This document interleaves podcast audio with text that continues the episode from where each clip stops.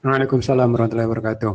Ya, terima kasih pertanyaannya terkait dengan varian baru di Kudus ya, yang juga ditemukan di beberapa tempat di Indonesia, yang dikenal sebagai varian Delta atau yang dulu pernah ditemukan pertama kali di India. Jadi ada sekitar dua hal yang mungkin masyarakat perlu ketahui terkait dengan varian ini. Jadi varian ini memang memiliki beberapa mutasi yang mengakibatkan pertama cara si virus untuk mengikat protein pada manusia itu bisa menjadi lebih lengket gitu, jadi lebih lekat.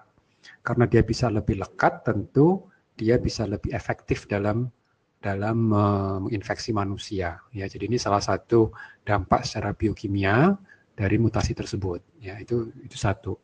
Nah, yang kedua, karena dia mudah lengket ya, mudah-mudah menempel, ini berdampak kepada penularan yang memang lebih lebih mudah.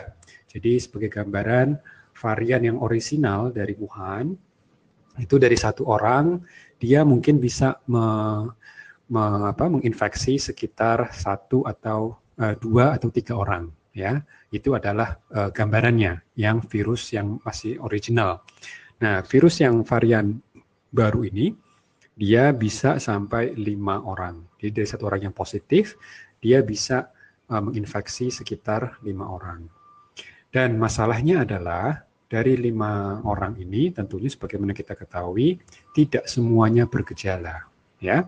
Karena tergantung juga dari uh, kondisi orang yang diinfeksi dan tentu kita ketahui untuk anak muda dia mungkin relatif tidak mengalami gejala. Tapi ketika mereka bertemu dengan orang tua nah di situlah menjadi masalah ya dari sisi uh, tingkat kesakitan yaitu morbiditas yang kita ketahui saat ini belum ada bukti bahwa ini akan membuat orang menjadi lebih banyak sakit gitu ya. Jadi uh, proporsinya masih sama, hanya saja memang karena dia lebih mudah menular, tentu dengan persentase yang sama, tentu bisa menimbulkan angka kematian lebih tinggi. Jadi seperti ini. Kita perkirakan biasanya yang uh, meninggal itu katakan sekitar 2-3 persen ya dari total 100 orang misalnya mungkin dua orang akan meninggal. Akan tetapi karena dia menularnya sangat cepat, lebih mudah, maka pengalinya tentu lebih tinggi. Jadi kalau mungkin varian dulu akan bisa membuat orang uh, seribu orang terinfeksi, tapi sekarang bisa 5.000 orang terinfeksi.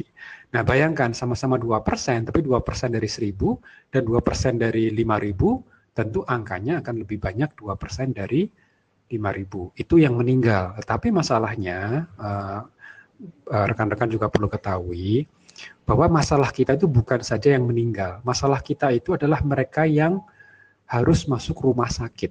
Makanya sekarang kita ketahui di beberapa tempat, terutama di Kudus, itu rumah sakit sudah penuh. Di Jakarta juga sudah mulai agak ada peningkatan, ya UGD di Wisma Atlet sudah mulai penuh.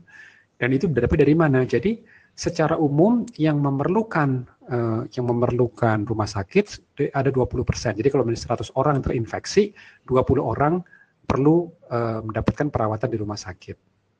Oke, okay. nah tapi ingat, karena virus ini mudah menyebar, jadi yang dulu biasanya sekitar 1000 orang terinfeksi, sekarang bisa 5000 orang terinfeksi. Kalaupun uh, dari angka yang masuk rumah sakit sama-sama 20%, tapi 20% dari 1000 dan 20% dari 5000 tentu angkanya jauh lebih tinggi ya. Nah, maka dari itu ini yang eh, rekan-rekan uh, sekalian jangan pernah abai, jangan pernah meng menggampangkan bahwa ini real, ini nyata. Dan kalau kita memang serius menyelamatkan NKRI, tolong untuk segera lakukan prokes secara ketat ya. Uh, hindari kerumunan, jaga jarak, jangan banyak aktivitas di ruang tertutup ya, buka jendela dan uh, dan pintu gitu ya Uh, ini yang harus diperhatikan. Bagaimana dengan vaksin? Insya Allah kalau vaksin, dari data yang ada dari India kemarin, mereka menggunakan vaksin yang memiliki teknologi yang sama seperti Sinovac, yaitu inactivated vaccine, dan masih bisa dikendalikan. Jadi nampaknya masalah dari dari varian uh, Delta ini memang nampaknya dia memiliki protein yang bisa melekat lebih kuat daripada varian-varian sebelumnya. Baik, tidak perlu khawatir, yang penting jangan abai ya. Jangan